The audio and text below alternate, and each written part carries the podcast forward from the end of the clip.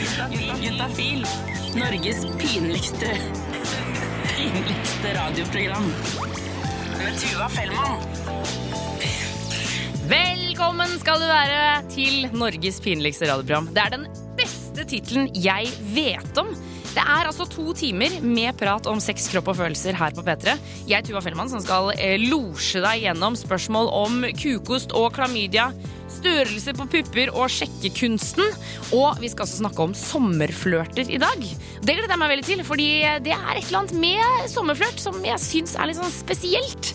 Jeg skal fortelle deg litt mer om det senere, men det er noe med de to månedene, eller tre månedene, alt ettersom, eh, som virkelig liksom setter støtet. Når jeg tenker meg om, så har jeg bare en måned sommerferie sjøl, så det er vel det jeg går etter, da. Ja ja, uansett. Klokka sju er eh, tidspunktet til, som vi skal holde på til, og jeg håper at du holder det her, selv om du nå sitter ja, Kanskje du nå kjenner på at fader, eh, hvorfor har vi på P3?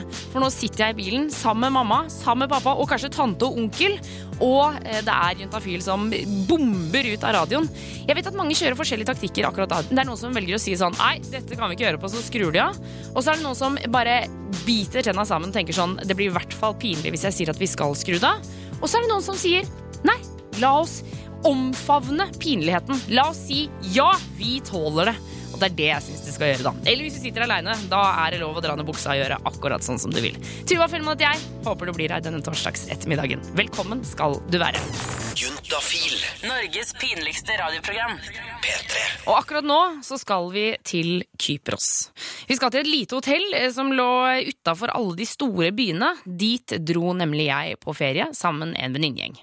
Um, og idet vi kom dit, så var vi litt sånn usikre på kommer det til å bli en kul ferie. Fordi det lå liksom ikke i de svære festbyene eller noe sånt. Det lå litt sånn, litt sånn random ja, midt mellom to, to byer, da.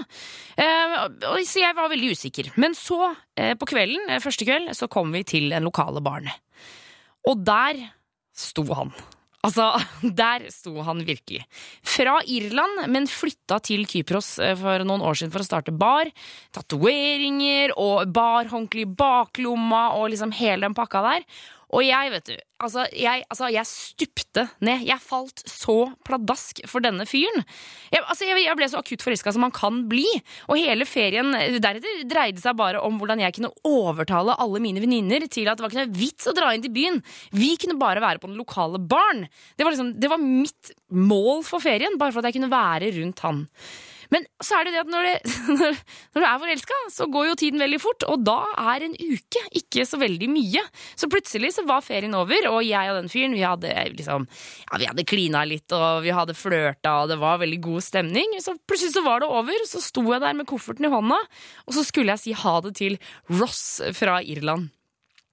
Og det som var rart da, følte Altså, jeg var så overbevist om at dette var mannen i mitt liv. Altså, jeg var, jeg var 100% sikker. Jeg, var, jeg, tenkte at jeg må bare gi opp alt jeg har i Norge. Jeg må flytte til Kypros, og jeg må jobbe på bar sammen med Ross. Og jeg husker til og med at han hviska til meg idet jeg skulle si ha det, så sa han sånn We'll meet again. Og jeg bare jeg kjente det i hjertet. Jeg var, jeg var, så klar. Og da jeg satt på flyet, så tenkte jeg ja, jeg tar en uke i, uh, i Oslo, og så samler jeg tinga mine, og så drar jeg tilbake. Og det var det, var det jeg skulle. Og jeg tenkte det hele den første uka jeg var hjemme, og hele den andre og hele den tredje. Og den fjerde og femte uka så tenkte jeg kanskje ikke så mye på Ross. Eh, og så begynte skolen igjen, og da var det nesten aldri. Og så et par måneder uti eh, så var, var, det Altså, Ross var en fyr som ikke engang kom opp på feeden på Facebook. Eh, så det var liksom helt slutt. Og så lurer jeg da sånn på altså, hvorfor blir det så intenst? Altså, for min del, hvorfor ble jeg så hodestups forelska. For når jeg har gått inn, hvis jeg går inn på eh, Facebook-profilen hans nå, så blir jeg helt sånn å herregud. Altså, det der er jo ikke min type i det hele tatt. Hva, hva, var det jeg så i den mannen der? Men det er et eller annet med sommeren, når det er så, det er så kort tid, og det er så, det er så utrolig intenst. Og da blir den sommerflørten, eller kanskje liksom sommerkjæresten det, I hvert fall for meg så sitter den ganske godt i, da. Så det skal vi snakke om her på Juntafil i dag. Hvis du har lyst til å fortelle din historie, om din sommerflørt, så send det gjerne, inn til 1987, kodeord eh, juntafil, eller eh, sleng det ut på, på Facebook-sida vår. Eh, men da må du gjerne, du må, på, på SMS så må du ta med navnet ditt og adressen, så vi kan eventuelt sende deg disse flotte juntafil-kondomene som jeg tenkte jeg skulle dele ut i dag. 1987, kodeord eh, juntafil. Men vi skal også få et par historier straks. Vi får besøk av Per Morten, som skal fortelle om sin sommerflørt og hvordan den endte. Men før det så får du Fugees. P3. Du hører på Juntafil, eh, og kanalen det er selvfølgelig P3. Og akkurat nå så har jeg fått besøk av Per Morten. Velkommen til Juntafil. Tusen takk. Du, vi snakker om sommerflørt. Sommerforelskelse. Ja. Fortell om din. Hvem var dette her? Det var en eh, bekjent av en eh, som jeg kjente gjennom en kompis. Ok. Vi begynte å få ganske god kontakt. Eh, han bodde i byen, og jeg bodde litt uh, utafor. Det utarta seg ganske bra. Eh, vi var mye til hverandre, vi festa i byen, og vi hadde generelt ganske trivelig i lag. Mm. Eh, og jeg begynte å få litt følelser for han. Så, så, men når du sier følelser, for det, åh, det syns jeg er så deilig å høre om. For, hvordan kjentes det ut hver gang du så han, liksom? Jeg ble glad. Eh, Jeg håpa at jeg skulle få se han mye mer framover, for at eh, jeg fikk en sånn god følelse inni meg når, når jeg møtte han. Og vi trivdes i lag, vi hadde mye samme interesser, og vi flira til hverandre, og nei, alt var bare herlig. Så hva gjorde dere, da? Eh, Vi gjorde litt forskjellig. Vi grilla mye, vi festa mye, som sagt, og vi for på noen sommerturer. Sommerturer? Ja, sommerturer. Å, få høre! Um, den første som eh, slo virkelig godt an, det var en eh, biltur vi hadde. Jeg har en uh, kabriolet, så vi kjørte eh, over Dovre med taket ned og i solsteika, ble solbrent i nakken. Du kødder! Nei da. Og vi kjørte mot uh, Trollstigen. Vi kjørte opp Trollstigen. Uh, så på kveldssola der, og det var så fint. Vi kom akkurat idet sola gikk ned uh, horisonten. så det var jo helt uh, magisk stemning således. Og jeg helt sånn frysning på hele kroppen! Og jeg ser det for meg i kabrioleten der med vind i håret og sola Ja, ja, ja. og moskusene og Ja. Det er ikke sikkert man så det, Nei, da, vi så ikke dem, men eh, det var veldig fint uansett. Vi, st Ok. vi stoppa på Dovre på et uh, lite eh, rasteplass, kanskje, med turistshopper og en liten kafeteria. Kjøpte oss vaffel der. Var Nei, bare nyta utsikta der. Og vi, etter vi var på Trådstigen, etter eh, sola hadde gått ned og det var ikke noe mer å se på, det ble mørkt, så for vi mot Nå kommer ikke jeg på hvilken by som er nærme der, men eh, En en eller annen by i nærheten. en eller Liksom. annen by i nærheten. Så var det et eh, hotell der i fjellskråninga med utsikt mot eh, Trollstigen, der vi eh, la oss inn for natta. Og vi fikk den servicen, fikk den reinsdyrsteika til middag, drakk øl, og vi satt ut og spiste i, i eh, skumringa på kvelden mens vi så bare sola var på fjelltoppene eh, over horisonten. Og bål var bakom oss eh, ved, ved der vi satt og spiste, og nei. Det, var, Altså- det var helt en perfekt dag, egentlig. Dette er jo dette er det beste jeg har hørt om. Dette må jo være det beste. Og så føler jeg at dette er sånne ting som du aldri Man, man har jo ikke tid til å gjøre det noe annet sted enn i ferien. Altså Hvis man tar en sånn hel dag, med mindre det er en helg, da, selvfølgelig. Ja, nei, det var en hel dag, eller to dager, da. Å, herregud. Men hvordan endte denne sommerflørten? Um, Den endte ikke så veldig bra. Nei, er det sant? Ja. Morten, er du sier? Etter med reinsdyrstek og alt sammen? Ja, nei, jeg skulle ønske det ble annerledes, eh, men eh, det, ble ikke da. Jeg er glad for det nå, men da ble jeg ganske mm, sønderknust. Så hva var det som skjedde da? Det som skjedde, var at uh, en dag når han eh, kom hjem fra arbeid, uh, så måtte vi snakke i lag. Og da sa han at han ikke følte det samme for meg som jeg følte for han. Og ja, ikke lang tid etterpå så hadde han, han en annen kjæreste. Er det Så- sant?! Hva er dette for noe? Det er derfor jeg har vært sønner knust. For en løk! Når man tar med noen på en så fabelaktig date! Herregud. Ja ja. Altså, Per Morten, eh, jeg må jo bare si eh, Men du ser heldigvis til alle som sitter med knust hjerte som meg nå. Du er jo veldig glad nå, da. Ja, jeg har en kjæreste nå som jeg er veldig glad til. Ja, så da kan vi, kan vi si det at det gikk bra. Det ordna seg. Det ordna seg. Ja, det var heller en vinterflørt, da. Det var en vinterflørt, så det får bli en annen gang. Det, får bli om et halvt år, så får du komme tilbake og fortelle om den. Ja, det er greit. Tusen takk for at du kom innom, Juntafil. Vær så god. P3. Du hører på Juntafil på P3, og vi snakker om sommerflørter. Og nå har vi fått besøk av Heidi på 25. Velkommen skal du være. Takk for det. takk for det. Du, nå er jeg veldig spent. Eh, Heidi, Ja. uh, fortell hvor Altså, vi skal, vi skal til sommerflørt, men hvor er det vi starter hen? Vi starter på en eh, fest, et vors, for en venn av meg som skulle flytte til utlandet. Ok. Eh, Og han hadde bedt inn venner fra fjern og nær, og jeg var sjuk eller forkjøla den perioden, men jeg kom jo allikevel i og med at det var en avskjedsfest. Så jeg var jo edru den kvelden. Å, du var edru på avskjedsfest? Jeg var edru på avskjedsfest, jeg måtte jo ta avskjed. Ja. ja. Ikke at det er noe galt å være edru på avskjedsfest, men eh, ja, ok. Men, var, ja, og, men de andre var ikke edru. Sånn at um, det var jo mye ukjente folk der. Og blant annet en fyr som jeg syns var ganske innpåsliten. For han, skulle, han var liksom så gjøglete og fjollete og skulle drive og tulle og sånn hele tida. Mens jeg var jo sjuk og edru, så jeg syns jo ikke det var like gøy som han. Så jeg syns like så greit at han var ganske irriterende. Okay. Um, og så noen dager senere så drar jeg på Roskilde med noen venner av meg. Og uh, så er vi på den oppvarminga, og etter et par dager så skal vi møte noen venner av oss som bor på en annen camp. Og så kommer vi dit, og ute på sletta der da så ser jeg plutselig en fyr. Og han har en klovneparykk som er sånn hockeyklovneparykk. Det er ikke en vanlig klovneparykk, men den er sånn hockeyforma. Og av alle ting så tenker jeg han fyren der, han skal jeg sjekke opp. Hæ? Ja. Heidi? elska den klovneparykken. Den var ny... Jo. Han var liksom lang og slank og flott, og den klovneparykken i tillegg, så klarte jeg jo ikke å la være. Sånn, sånn er jeg, og det Så jeg gikk jo bort til han og prøvde å prate med han, flørte litt med han, men han ensa meg på en måte ikke. Og han, han ville ikke ha deg i det hele tatt? Nei, han var opptatt med alt mulig annet. Han drev og vimsa rundt der. Jeg fulgte etter og ville liksom Jeg hadde bestemt meg for at han her fyren her skal jeg ha, og til slutt så ensa han meg jo.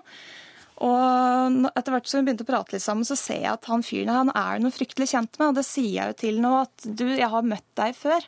Og det høres ut som verdens dårligste sjekketriks. Det er sånn Helt klart. Møtte jeg en drøm. eh. Ja, ja, ja. Men jeg visste faktisk at jeg hadde møtt den i det virkelige liv. Ja. Eh, Så er vi sammen i et par timer og løper rundt der og har det hyggelig og fester og har det hyggelig sammen. Og så møter vi plutselig en, en venn av meg, og de to hilser på hverandre og sier takk for sist. Og da skjønner jeg plutselig at å søren, det er jo han fyren fra den festen. Som du hata? Som jeg irriterte meg så grundig over, står jeg her nå og febrilsk gir alt jeg har av følelser til. Å, han har på seg klovneparykk! Eller Han Hadde skulle hatt på seg den det vorset, så hadde jeg sikkert tenkt helt annerledes på den, men eh, ja. Hvem hadde trodd at det var det som skulle friste deg inn? Nei, altså så ble det Så den klovneparykken, den gjorde liksom susen for han, da. Ja. Eh, og så er den oppvarminga ferdig, og festivalen starter, og da blir det jo kaos på Roskilde med en gang, for ingen har dekning på telefoner, og det er bare helt uh, fullstendig kaos overalt. Og så ble jeg litt sånn Skal jeg ta kontakt med han fyren, for jeg hadde jo ikke nummeret hans. Å nei. Skal jeg være så desperat at jeg sender melding til 1881 og ber om å få, Ja! Ja, tenker du. Ja, gjør det! Holdt jeg på å si. Jeg turte ikke. Jeg bare feiga ut og tenkte tenk om ikke han tenker det samme om meg. Kanskje han har glemt meg allerede. Kanskje jeg bare var en av flere. Jeg visste det ikke. Nei. Så når jeg kom tilbake til København og skulle dra hjem til Norge, så manna jeg meg opp til å legge den til på Facebook. Okay. Så jeg hadde ikke møtt den hele festivalen. Jeg hadde gått og tenkt på han hele festivalen, men i hvert fall la den til på Facebook og håpte på at den skulle huske meg. Og når jeg var hjemme til Norge, så hadde han lagt meg til på Facebook, og han hadde tenkt akkurat det samme om meg. Det er sant! Ja, så han hadde også gått og tenkt på å skulle ta kontakt med meg, men det ble liksom aldri noe av fra den kanten heller, så vi hadde bare gått på hver vår ende av Roskildefestivalen og bare lengta, om jeg kan si det på den måten. I hvert fall eh, Ja. Jeg blir litt rød i kinna. Jeg, Jeg, jeg blir litt rørt sjøl når jeg prater om det. Men ok, så, så dere hadde tenkt det samme begge to? Begge to lengtet etter hverandre, og, og sommeren er over. Og hva skjer da? Sommeren er over. Vi drar hjem igjen eh, til Oslo, for begge to bor i Oslo, men bor på forskjellige kanter av landet, og vi møtes igjen. Ja. Uh, og er mye sammen, og blir kjærester. Ok. Og er kjærester den dag i dag. Fire år senere. Nei, er det sant? Det er helt sant. Så du ble kjæ... Er det sant? Ja, det er helt sant. Vi ble sammen. Eh, og har vært sammen siden det. Åh. Så det, det ordna seg, rett og slett. Alt kan du rett og slett eh, takke til en eh, hockey-klovneparykk. Ja, så jeg anbefaler alle å skaffe seg en sånn en hvis det er eh, for å få forholdet til å holde liv i det. Så kanskje en klovneparykk er i hvert fall bare en start på det. Å, det er helt nydelig. Heidi, tusen tusen takk for at du kom innom Juntafil. takk for at jeg kunne komme. Og så får du hilse, hilse hjem, da. Det skal jeg gjøre. Det skal jeg gjøre. Å, nå ble jeg varm i hjertet. Å, det er hyggelig. Jeg blir litt varm i hjertet sjøl. Og jeg lovte jo ut noen eh, Juntafil-kondomer. Eh, Du kan jo se bilde av de på Facebook-sida vår. Jeg syns de er så fine, den lille pakninga. Eh, Jeg lovte ut Juntafil-kondomer til en av dere som fortalte om sommerflørten deres. For jeg syns de er så fine historier. Og vi har fått inn en kjempelang SMS til 1987 kodeord Juntafil som jeg tenkte vet du hva, denne personen fortjener kondomer. Du må bare høre på dette her. Min sommerflørt startet i en moshpit under Queens of the Stone Age-konserten på Øyafestivalen 2014. Jeg merket meg en gutt som så ut til å like musikken og danse det lille ekstra. Dessuten var han veldig pen. Vi utvekslet ingen ord, bare danse- og musikkglede før dagen etterpå. Uten nummer og navn og noen anelse om jeg noen gang kunne få se den øyagutten igjen, lette jeg febrilsk i alle folkemengdene i de neste konsertene under festivalen. Eh, I, det en konsert var ferdig og folk eh, måtte vente, vente snuten hjemover, fikk jeg synet av de blonde krøllene hans. Hei, sa jeg dritnervøs. Han måtte være minst to år eldre enn meg, med skjegg og greier. Vi utvekslet uh, telefonnummer, og dagen etterpå fikk vi uh, ikke kontakt under Todd Terje sin konsert, men heldigvis ventet han på meg ved festivalområdets utgang med sykkel, så klart. Helt skjelven av adrenalin holdt jeg om han mens vi syklet gjennom Oslos gater, før vi stoppet innom en venn av han for å hente litt polsk sprit, som vi tok noen slurper av, utenfor et eller annet stort bibliotek.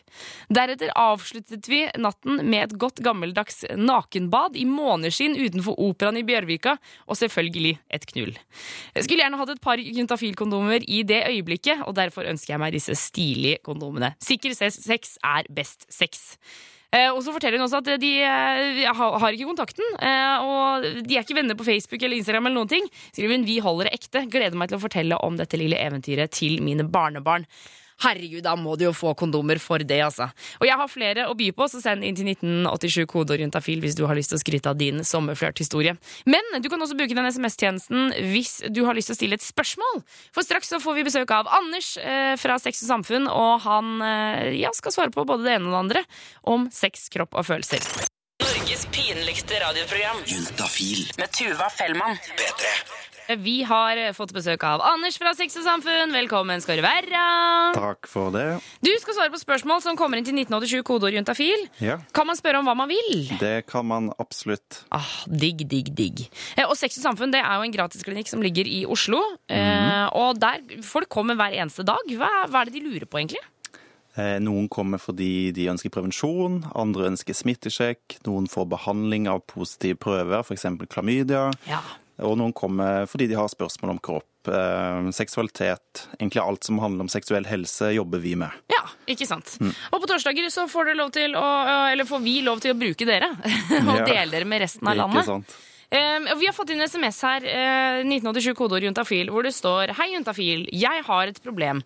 Når jeg drar laksen, får jeg hodepine. Hva skal jeg gjøre?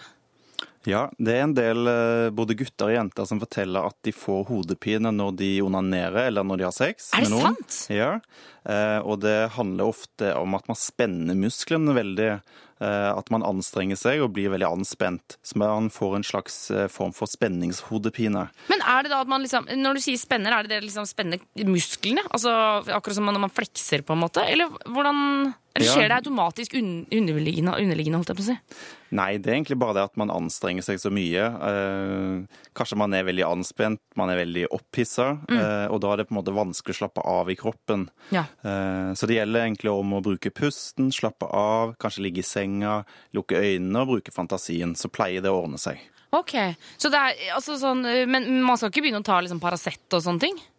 Nei, det tror jeg ikke. Det er kanskje en midlertidig løsning, men ikke på lang sikt. Det er veldig rart hvis man skal ha sånn Nå skal vi ha sex. Ja, jeg skal bare ta litt Paracet først, og så kan vi begynne. Ta smertestillende.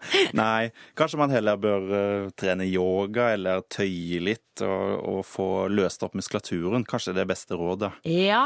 Mm. Men, men og hvis man ikke begynner med yoga, altså skal legge seg ned i senga og, og, og liksom prøve å onanere bare helt sånn rolig, med øynene lukket? Ja, og så egentlig bruke pusten. Eh, trekk pusten helt ned i magen, og så bare forsøk å slappe av eh, og kjenne at det er behagelig. Ja. Mm. Ok, men da vet vi det. Og, men ikke, og ikke få angst hvis du får vondt i hodet når du onanerer. Nei, det er ikke noe farlig. Ah, deilig. Eh, 1987 er kodeord eh, juntafil hvis du der ute har lyst til å stille spørsmål. Eh, ta gjerne med kjønn og alder, så vi får vite litt grann om hvem du er. P3. Vi svarer på spørsmål til 1987 kodeord juntafil. Og det er eh, Anders fra Sex og Samfunn eh, som svarer. Er du klar, Anders? Veldig klar? Veldig klar. Eh, Vi har fått inn et spørsmål hvor hvor det står Hva betyr det hvis kjæresten din aldri gjør noe romantisk med deg? Ja, hva betyr det? Altså, jeg tenker at uh, man er veldig forskjellig på det med romantikk. Eh, noen er veldig romantiske, andre fins nesten ikke romantiske i det hele tatt. Uh, og så tenker jeg ofte at folk kanskje ikke alltid matcher heller. Ja, og, og, og jeg tenker at det, det vil ikke si at man ikke skal være sammen av den grunn. Hvis Nei. jeg er kjemperomantisk, mens kjæresten min ikke er så romantisk, så, så må vi trenger ikke å det, så, vi- det trenger ikke å slå opp av den grunn. Nei. Hvis det fungerer fint på andre ting, så er ikke det noe man må gjøre, altså. Nei. Eh, men det handler jo mye om eh, kommunikasjon, da. Så jeg tenker hvis man syns partner er altfor lite romantisk, så kan man si noe om det. Eh, og så kan man jo ha litt sånn krav til hverandre. Eh, At selv om man ikke er så veldig romantisk, så vet man at det betyr mye for partner, da. Ikke sant? Fordi jeg tenker sånn eh, For jeg føler at jeg, jeg hører ofte, eh, kanskje særlig jenter, som, som, klager, eller som sier at nei, kjæresten min han vil, han vil ikke liksom, gjøre sånne hyggelige ting for meg. Han er ikke noe opptatt av det. Men motsatt også. Absolutt. Men, men da tenker jeg at det må være mulig å si at jeg skjønner at du ikke er den romantiske typen, men kan, vi ikke, kan du ikke gjøre noe for å gjøre det for meg? Ja. Kan du ikke liksom kjøpe blomster, selv om jeg skjønner at det her ikke er liksom din store drøm og din, den største ideen du har kommet opp med? Men kan du ikke bare kjøpe blomster til meg bare for du vet at jeg syns det er hyggelig? Ikke sant? Og det handler om, litt om det å møtes på midten også, tenker jeg. At man gjør litt ting for hverandre fordi det er viktig for den andre. Ja, Men òg så kan man heller ikke forvente at alt skal være megaromantisk. Man kan ikke forvente blomster på døra hver eneste dag, og at det alltid skal være telys og, og sånne ting. Nei, det Eller hva tror du? Da er man kanskje litt kravstor. Ja, fordi vi, må, vi må møtes på midtveien her. Men så hva, tenker, hva skal hun si, da? Eller han skal si eh, til kjæresten eh, hvis de har lyst til at du skal være mer romantisk? Nei, man kan spørre om eh, Eller si at eh, Ja, kanskje du kan forsøke å gjøre litt ting for meg fordi det er viktig for meg. Kanskje du kan gi meg blomster en gang i uka. en gang i uka! 52 buketter i året! Ja, ja det var kanskje litt mye igjen, da. Det var det med kravstorhet og ikke Men gjør personen noe romantisk selv? Det er jo også et spørsmål å stille. Det er jo lett Ja. å si altså kjæresten min gjør aldri romantisk, romantisk for meg. Ja, når var det du gjorde det sist? Ikke sant? Det, ja, det syns jeg man skal prøve. Ja. Men så lurer jeg også på en ting. Kan det eh, Altså, hvis det var romantikk i starten, og så ble det mindre, kan det da være grunn for at de kanskje ikke er Kanskje han eller hun ikke er så forelska lenger? Sånn er det med forhold. Jeg tenker at forhold går litt i bølgedaler. Eh, man kan være kjempeforelska i perioder, og i andre perioder så er man ikke forelska nesten i det hele tatt, men man er ikke sånn glad i partner. Mm. men så kan det blomstre opp igjen, og så blir man fryktelig forelska, blir helt sånn overfylt av disse der følelsene igjen. Mm. men hvis den perioden hvor man ikke er forelska, er lang, og man ikke føler at det er noe romantikk, så kanskje man må vurdere om dette er rett partner eller ikke. Ja, ikke sant. Ja, for det er jo, da må man jo vurdere. Er det, er det verdt å være i forholdet, på en måte? Ja. Men samtidig, altså, etter, et, altså si Hvis man har vært sammen i fire år, det er jo grenser for hvor liksom, mye romantikk det kan være i hverdagen. Ja, det er hverdagslivet innhenter oss, så det, så, sånn er det. Ja, ikke sant. Eh, Vi skal svare på flere spørsmål. 1987 kodeord juntafil hvis du har lyst til å spørre om noe om sex, kropp og følelser. Altså, og da mener jeg at du kan spørre om hva som helst. Spør om eh, klamydia, spør om kukost, spør om pupper, spør om eh, hår. Alt som er. Petre. Vi har fortsatt besøk av Anders fra Sex og Samfunn. Hei, hei. Hei, hei! Svar på spørsmål som kommer inn til 1987, kodeord juntafil. Her står det Hei! Jeg og dama har prøvd å ha analsex, men det oppstod et avføringsuhell, og hele situasjonen ble helt klein. Så mitt spørsmål er hvordan gjøre rent, og hvordan unngå slike uhell? Tror du han mener gjøre rent i eh, halaisen eller på sofaen, typ? Eh, halaisen, okay. tror jeg. det er det vi går ut ifra? Ja. Ok. Eh, nei, jeg tenker alltid, eller når det er snakk om analsex, da, så er det jo en risiko for eh, avføring. Altså det er snakk om endetarmen, Ja. eh, og der er det ofte litt avføringsrester. Eh, og det er naturlig at det er det, og da kan det på en måte oppstå sånne uhell som han nevner da i spørsmålet her. Men så er det jo noen sånne vandrehistorier om noen vakuumgreier som gjør at det bare eksploderer ut idet han drar liksom seg ut. Er det sant, eller er det bare myter? Eh, det kan ha skjedd, men jeg har ikke hørt så mye om de historiene. Nei. Eh, men eh, som vakuum kan jo oppstå, sånn, sånn at det, det er en sjanse for at det kan skje, men jeg tror ikke det er så veldig stor fare for det. Ok. Men ok, så hvis, vi skal, hvis man skal ha analsex, hva slags forberedelser da kan man gjøre for at det ikke skal skje? Da kan man gå på do først, forsøke å tømme tarmen. Mm. Eh, Man kan f.eks. bruke babyolje, eh, bruke en finger og kjenne etter om det er noe eh, avføring i, i endetarmen. At man da tar babyolje på fingeren og fører den opp i endetarm. Ja, for nå, nå skal jeg akkurat si sånn, Her skal man putte sin egen finger opp i rumpa, men samtidig så skal du putte alt annet oppi der. Så, altså, Hvis ikke du Ja. tåler å putte din egen finger, så Det er sant. Men hvis man ikke vil det, da, så kan man også forsøke med dusjslangen. Bare ha litt sånn lunkent varmt vann med litt trykk, eh, og, og føre den litt inn i endetarmen. Ja, fordi der, nå, der lurer jeg på en ting, for det sier man jo til jenter at de ikke skal gjøre når det kommer til skjeden. At Ja. du ikke skal ta dusjhodet opp i, i skjeden fordi at det tar vekk liksom naturlige bakterier og sånn. Ja. Det samme gjelder ikke da for analen? Nei, fordi i endetarmen er det så mye bakterier. Eh, Så det skal veldig mye til før man får type infeksjoner der bare av eh, å føre vann opp, da. Ok. Ja, Så det, det vil jeg ikke tro er noe problem. Nei, ok. Nei. Så, så tømme seg, eh, vaske litt eh, med sjøl. Og er det liksom Er det det, eller skal man gjøre noe mer? Eh, altså Når man skal ha analsex, så er det jo det med glidemiddel. Eh, det er ikke naturlig glid i endetarmen, så det må man passe på. Eh, og så bruke kondom også fordi eh, det er det, den type sex da, som gir høyest risiko for seksuelt overførbare infeksjoner. Ja, nettopp. Er, det, er det derfor man sier at eh, hiv og aids for eksempel, er mer utbredt i homofile miljøer? Ja, det er nok eh, en av hovedgrunnene til det. Fordi at det, det, er, liksom, det er større smitterisiko? Ja, det er større smitterisiko. Um, Men hvorfor er det det? Ja, for det, uh, inni endetarmen så er det slimhinner um, som lett får sprekker. Mm. uh, hvis man f.eks. ikke bruker glidemiddel. Uh, og inn i de sprekkene så kommer det da hiv-viruset. Det kan spre seg lett på den måten. Så, Ok. ja. så, men jeg tenker også i forhold til det han nevner, da, med sånn pinlige episoder. Eh, snakk sammen etterpå. Eh, man kan prøve å le litt av det, så blir det litt mindre alvorlig. Eh, Ja, og, ja. Og, og kanskje til de som eh, ikke har hatt analsex, men kanskje har lyst til å prøve det, at kanskje man skal til og med ta den praten før også. Ikke sant? Her er det, det er noe som skal opp i rumpa, liksom. Så, så, her er vi klare over. vi liksom, vet vi hva vi gjør nå? Ja, og så er det ikke alle som Eller det er mange som ikke tenner på analsex også, så det er ikke noe man må prøve hvis man, hvis man ikke vil det. Nei, vi pleier jo å si at analsex er liksom for viderekomne eh, og for spesielt interesserte. Ja, det kan man si. Ja, Det er ikke noe du gjør første gang, for Nei, det vil jeg ikke anbefale. Nei, ok. ok, Så det er liksom eh, 602. Ja, sånn kan man si det. ok. Em, så da vet vi det. Uh, tøm tarmen, og vask, og bruk masse glidemiddel og kondom. Ja. Uh, så har man, Og snakk sammen hele veien. Eh, men også som du sa, skal man varme opp sånn som man gjør med skjeden? Med fingre, f.eks.? Ja, fordi um, endetarmen er på en måte Det er masse muskler rundt der. For at man skal kunne slappe av og synes det er behagelig, eh, så må man eh, ofte bruke en, kanskje en finger, sånn at eh, muskelen da utvider seg og slapper av. Ja, så du Ja. skal ikke bare presse på? på Nei, måte. det må man aldri gjøre. Og hvis det er vondt, altså smerte er signal fra kroppen om at man bør stoppe stoppe. Så det er veldig en grei sånn regel å ha i bakhodet. Er det vondt, så, så stopp. Ok. Ja. Og husk på at dette er ikke noe du trenger å gjøre hvis ikke du er mm. spesielt keen. Eh, vi skal snakke mer med deg, Anders, i dag, men straks så blir det altså høytlesning her på P3. Det blir erotiske folkeeventyr straks. P3. Det er på tide å tasse bort til godstolen, finne frem pleddet, kok opp noe kakao eller en stor kopp med te, for nå er altså høytlesning fra erotiske folkeeventyr. Juntafil presenterer erotiske folkeeventyr.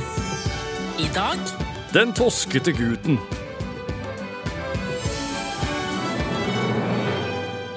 Det var en gutt som skulle gifte seg, men han visste ikke hvordan han skulle bære seg åt på bryllupsnatta. Så spurte han faren til råds. Jau, sa faren. Han skulle kjenne nedover seg til han fant noe som sto ut. Så skulle han kjenne nedover kjæresten sin til han fant et hull. Så skulle han stikke det som sto ut på han, inn i hullet på ho. Ja, ja. Bryllupsnatta skulle gutten prøve dette. Så kjente han nedover seg til han kom til Nosson. Den sto ut. Så kjente han nedover kjæresten sin til han kom til røvet. Der var det hol. Og så satte han Nosson borti røvhullet.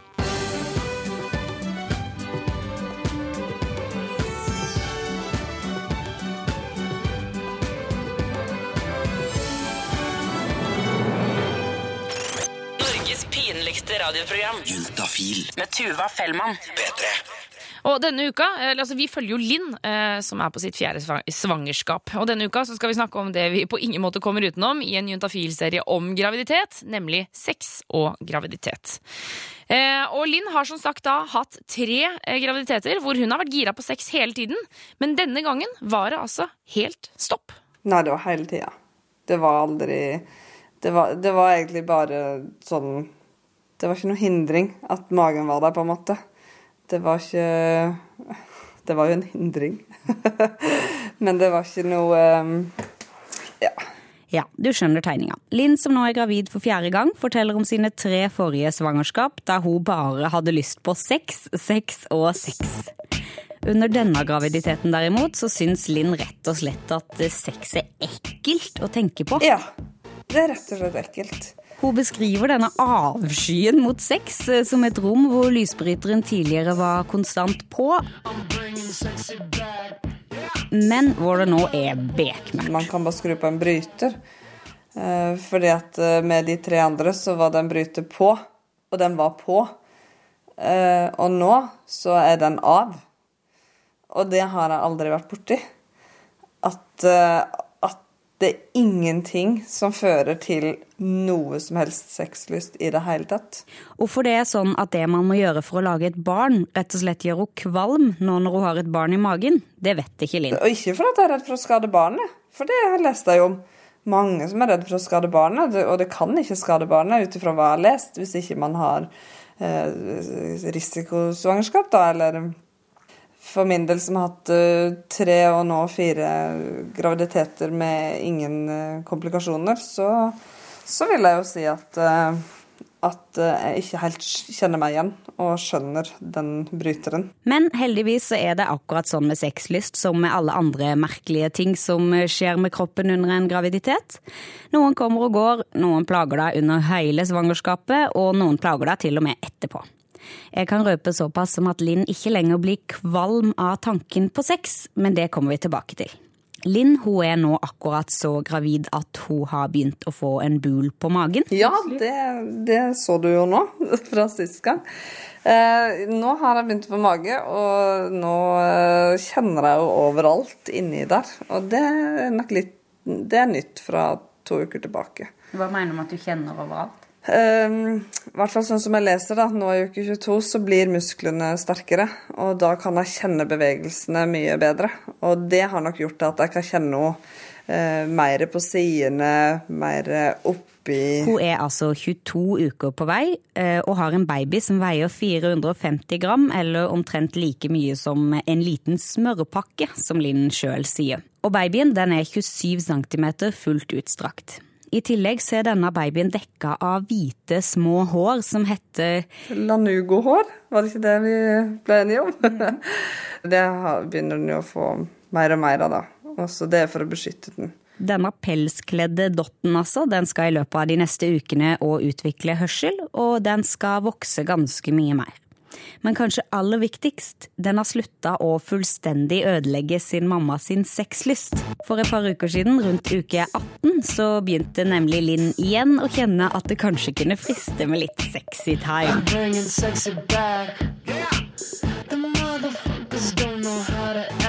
Etter nesten fire og en halv måned, vel å merke. Og det var lenge. Da kan du tenke deg så lang tid uten å ikke orke tanken. Jeg gadd ikke være sånn hyggelig engang. Sånn eh, Nå skal bare la det stå til. Jeg orka ikke det engang. Og orka ikke å tenke på det. Og, orka ikke Og jeg sa ifra òg. Men han er veldig kjekk, da. Så det har ingenting med det å gjøre.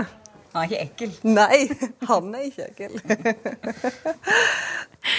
Eh, Og vi skal altså følge Linn videre her i Juntafil hver eneste uke. Hvis du har lyst til å høre tidligere episoder, så kan du gå inn på radio.nrk.no.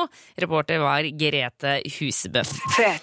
Carly Rae Jepsen, I really like you, her på P3. Og det er jo det vi gjør i Juntafil. Liker hverandre skikkelig, skikkelig godt. Eh, Men av og til så går det ikke helt som det skal allikevel. Vi har fortsatt besøk av Anders fra Sex og Samfunn. For selv om han er superforelska, så kan det bli kål i pøkinga. Det kan det. Det kan det, det er vel neste spørsmål eh, litt eh, symbol på. Ikke sant? For vi har fått en SMS til 1987 kodeord juntafil, hvor det står Hei, jeg lurer på om det er vanlig blant jenter at det gjør vondt under samleie. Gjør vondt så veldig ofte, spesielt når den går helt inn, og det svir ganske ofte også. Til tross for at vi begge har veldig god hygiene nedentil. Eh, syns det er så synd for eh, kjæresten min, da det ødelegger sexlysten. Hilsen jente 20. Ja, eh, Da vil jeg si til jente 20 at det samleie det skal ikke være vondt. Det er sånn hovedregel. Altså Sex skal være godt og behagelig. Mm. og så må man ikke godta at det, gjør eh, vondt, fordi da blir det ofte bare verre og verre med tiden. Da er det noe galt, liksom. Ja. Ok, Men fordi jeg tenker sånn, for vi sier jo En ting som, som vi ofte sier, er at man må varme opp ordentlig. Ja, og det det vi kaller da på sexsamfunnet at man må være kåt og våt. Eh, at det må være nok fuktighet i skjeden. Eh, og noen jenter blir fuktige i skjeden nesten med en gang de begynner å kysse. Eh, mens andre trenger da lengre tid. Kanskje noen trenger så lang tid som 15-20 minutter. Ikke sant? Og fordi det, for det jeg skulle si, var at altså, hvis du ikke er kåt og våt, så blir det jo vondt. Da er det jo ikke noe behagelig, på en måte. Nei, det stemmer. Eh, så så det, det må være på plass. Ja. Eh, og så kan det andre ting også. Eh, hun nevner jo det med hygiene, at eh, de er veldig nøye med hygiene. Og det er en del jenter som, som spyler skjeden med, med vann fordi de tenker at de skal gjøre det ordentlig rent. Men det er sånn no, no, det skal man ikke gjøre. Nei. Fordi det er jo, det er liksom, Da tar du vekk de naturlige bakteriene og sånne ting. Ja, eh, for skjeden den har en sånn selvrensende funksjon. Eh, Du trenger ikke føre noe opp der, du trenger ikke rengjøre noe inni skjeden. Kanskje du skal være litt, altså, altså prøve å ikke være så opptatt av hygiene? kan man si det? Ja. Altså kulen på hygienen, liksom. Ikke sant? Bare vaske utenpå. Det Ja, er sånn og grei regel. Ja, for Du skal bare vaske utenpå, men skal du, du skal ikke vaske med såpe heller. Nei, altså hvis man kan unngå det, så er det det beste. Eh, Man kan bruke noe babyolje eller badeolje eller sånn uten parfyme, da, sånn at eh, bakteriefloraen ikke blir ødelagt. Ok. Og så er det jo en del eh, jenter som i løpet av livet får problemer med sopp, altså en sånn ubalanse i bakteriefloraen i skjeden. Ja. Eh, Og da kan man få svie og kløe. Eh, Så kanskje den jenta her bør ta seg en tur til apoteket, kjøpe soppdrepende middel, krem og stikkpiller, og så vil det kanskje da gå helt over, og så ikke da vaske inni skjeden. Men, så, men fordi, for såpass, da trenger du ikke å gå til legen? Det kan du bare på en måte fikse opp sjøl? Ja, i de fleste tilfeller så er det tilstrekkelig. Eh, Noen eh, jenter må få antibiotika, men i første omgang så er det nok å prøve de soppdrepende midlene som man finner på apotekene, og da trenger man ikke resept. Nei, ok. Men og hvis du fortsetter å ha vondt etter at du har prøvd den greia, så er det ikke sopp, liksom? Da, finne, da er det noe annet som er problemet. Ja, og det er jo greit hvis man har hatt andre seksualpartnere før, eller hvis partneren din har hatt det, eh, så ta en test også for seksuelt overforbare infeksjoner, klamydia for eksempel. For klamydia kan gi smerter under samleie. Ja, det kan eh, også gi eh, det, altså, det er jo en bakterie som gir en betennelse. Eh, Så da kan man også få symptomer da som svie. Ja, ok. Mm. Eh, og så eh, til sist så bør vi jo snakke litt om dette med vestibulitt, som vi har hatt om på Juntafil tidligere. Ja. Eh, Du kan gå inn på p3.no og finne Vi hadde jo et svært intervju med en jente mm. som, som hadde det. Men det er jo også en, en sykdom som, bare, som gjør at det bare blir kjempevondt. Ja, det er en slags sånn smertetilstand. Eh, Det rammer ofte, har jeg hørt, av jenter som er veldig sånn eh, flinkiser. Altså, ting skal være veldig i orden i livet, og så blir de litt sånn anspente. Eh, Kanskje noen har litt sånn skamfølelser i forhold til det å ha sex, anstrenge seg, og da kan det bli vondt å ha samleie. Ja, ok. Eh, Så gå inn på p3.no og les eh, mer om det. Bare søk på vestibulitt, eh, og så står det informasjon om det. Mm. Vi skal snakke mer med deg, Anders, straks. Send inn ditt spørsmål til 1987, kodeord juntafil. Ta gjerne med kjønn og alder, eh, så Anders får en liten pekepinn om ja, hva slags person du er, da. P3. Eh, Vi har fortsatt besøk av Anders fra Sex og Samfunn, som svarer på spørsmål til 1987, kodeord juntafil. Anders, er du klar for et spørsmål? Veldig klar. Yes, da. Skal vi se, vi har fått en, en SMS her som starter med, altså i capslock. Hjelp! Med mange, mange e-er. Eh, Hvor det står eh, Jeg er en mann i slutten av 20-årene og har slitt med kviselignende vorter på pungen. Har vært sånn siden jeg var ung. Har gått til legen, men de sa at det gikk over. Har til og med prøvd å lage hull, står det. Ja.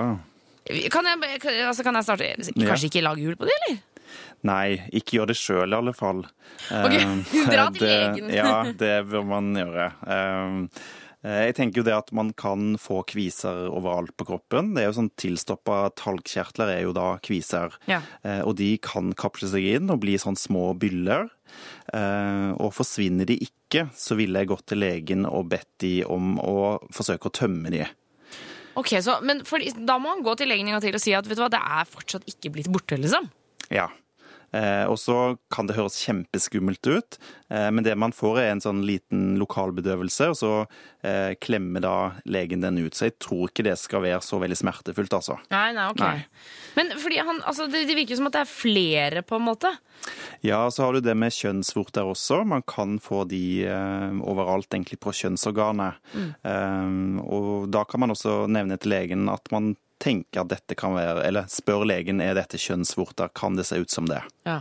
Ja. Men så, så dette kan, dette kan, det er ikke noe sånn farlig? Det er ikke kreft i pungen, liksom? Nei. Eh, så lenge det ikke er vondt og rødt, eh, så er det nok ikke noe farlig, ikke noe å bekymre seg for. Men altså, det er jo det med utseende og det kjønnsorganet. Jeg kan godt skjønne at man, eh, man syns kanskje det er litt sånn flaut å vise det hvis man skal ha sex med partner, eh, sånne ting, da. Mm, ikke sant? Så man har altså lyst til å endre på utseendet? på Altså, ikke endre på utseendet, men altså klemme ut kvisene, på en måte? Ikke sant. Og så er det jo mange som syns det er flaut å gå til legen eh, og vise fram kjønnsorganet sitt, men da er det viktig at, å huske på at legen og helsepersonell er profesjonelle, de jobber med dette og ønsker å hjelpe. Ikke sant? Og jeg tenker, altså de gangene jeg har gjort det, har gått i sånn gynekologisk undersøkelse, så tenker jeg sånn Dette er sikkert den liksom eh, femte slufusen denne legen ser i dag. Ja, ja. Altså, De gjør jo det der hele tiden. Ja, det er hverdagen eh, deres, så det er ikke noe å bekymre seg for. Ikke sant? Tenk på en sånn vanlig ting du gjør eh, hver eneste dag, og tenk sånn Sånn er det for en lege. Ja, ikke sant. Det velger jeg å gå for, i hvert fall. Ja, Eh, Anders fra Sex og Samfunn, tusen takk for at du kom innom Juntafil i dag. Veldig hyggelig å være her. Eh, og så kan du som hører på, gå inn på sexogsamfunn.no og lese mer om de. Eh, og så eh, skal du også være med på mandag, Anders, på MP3. Ja, Ikke verst, så da er det fra klokka sju til ni, da. Det blir stas. Eh, du får ha en strål- strålende dag videre, Anders. du også. Ha det bra. P3. Og nå skal vi til eh, et øyeblikk i eh, noens liv som jeg tror er veldig viktig og avgjørende og stort. Men samtidig så vet jeg jo ikke, for jeg tror det er så individuelt. Eh, vi har nå fått besøk av Kajsa på 25. Velkommen til Juntafil. Takk skal du ha. Du er lesbisk. Ja, stemmer. Gratulerer med dagen! For det vi skal snakke om nå, det er å komme ut av skapet. Eh, Hvordan var det du kom ut av skapet? Du, eh, jeg føler ikke at jeg så mye kom ut av skapet som at jeg eh, ramla ut av skapet. Oh, ja. Eh, for jeg visste på en måte ikke at jeg var i et skap eh, før jeg hadde en jentekjæreste. Hæ, Eh, vent da, stopp en hal. Du visste, ikke at, du visste ikke at du var lesbisk når du hadde en jentekjæreste? Nei. Fordi eh, jeg hadde på en måte bare gått rundt eh, og i god tro trodd at jeg var hetero. Fram til jeg var 22. Eh, og så eh, Og så ble jeg sammen med en jente, plutselig. En eh, venninne. Eh, og så spurte liksom folk om meg, hvor lenge har du visst det, og jeg klarte på en måte ikke svare, fordi jeg Egentlig så visste jeg det ikke da heller. Eh, og så var det først da vi hadde slått opp, egentlig, at jeg måtte liksom ta den der tankeprosessen med meg selv, da. Og bare Men shit, hva skal jeg se etter nå? liksom, jeg var jo egentlig bare vant til å se etter gutter. Eh, men så Men så hadde jeg en sånn runde med meg selv, og det var, det var litt tungt. Det var litt sånn For det var veldig Det var jo veldig nytt, eh, hele greia. Og jeg hadde aldri følt meg lesbisk, og følte ikke jeg så lesbisk ut, og og var liksom sånn Shit, må jeg klippe håret kort for å, for å få meg en dame, Må, liksom? jeg må klippe håret kort, rett og slett. Det må bare av med en gang. Hvis ikke så er det jo ingen som ser det, tenkte jeg. Eh, Så det var mange sånne tanker, da. Eh, Men så var det en venninne som skjønte at jeg liksom sleit litt med det, eh, og som tok meg med ut og spiste middag og sånn, og så sa hun at Men Eller hun Ja, vi snakket mye om det, da, og så sa jeg til slutt, da, at jeg tror egentlig at jeg vet, vet svaret selv, men jeg bare tør ikke si det. Og så spurte Eller også sa hun ja, og det svaret er jenter. Og så sa jeg ja. Så Og hva sa hun da? Nei, hun, hun bare smilte og syntes eh, det var fint. Jeg, altså, jeg hadde, jo, jeg hadde jo vært sammen med en jente, sant? så det var på en måte ikke noe overraskelse for alle andre, men jeg følte et veldig behov for å komme ut når jeg endelig liksom hadde satt en sånn Satt et navn på det, da. Men jeg, jeg lurer liksom på for, for, for det må jo være en litt sånn deilig følelse for deg å si at hei, hei, yo, jeg er lesbisk, og nå veit jeg hva det er, Mm. og liksom sånne Mm. ting. Men hva sa alle andre rundt, da, når du har hatt jentekjæreste, og liksom Var det noen som ble sjokka? Eh, nei, jeg tror den eh, Jeg tror på en måte de som skjønte det litt, det var, eh, det var de vennene som, som var skeive selv, da. Eh, alle andre var litt sånn Ja, men du har jo vært sammen med en jente. Det betyr jo at du er lesbisk. Ja, for det er det jeg tenker med en gang. Jeg bare, hallo, hva, Hvorfor har du ikke tenkt på dette før? liksom? Ja. Men det var liksom noe med at da var jeg bare sammen med én person, sant. Så jeg visste liksom ikke hva liker jeg liksom ellers.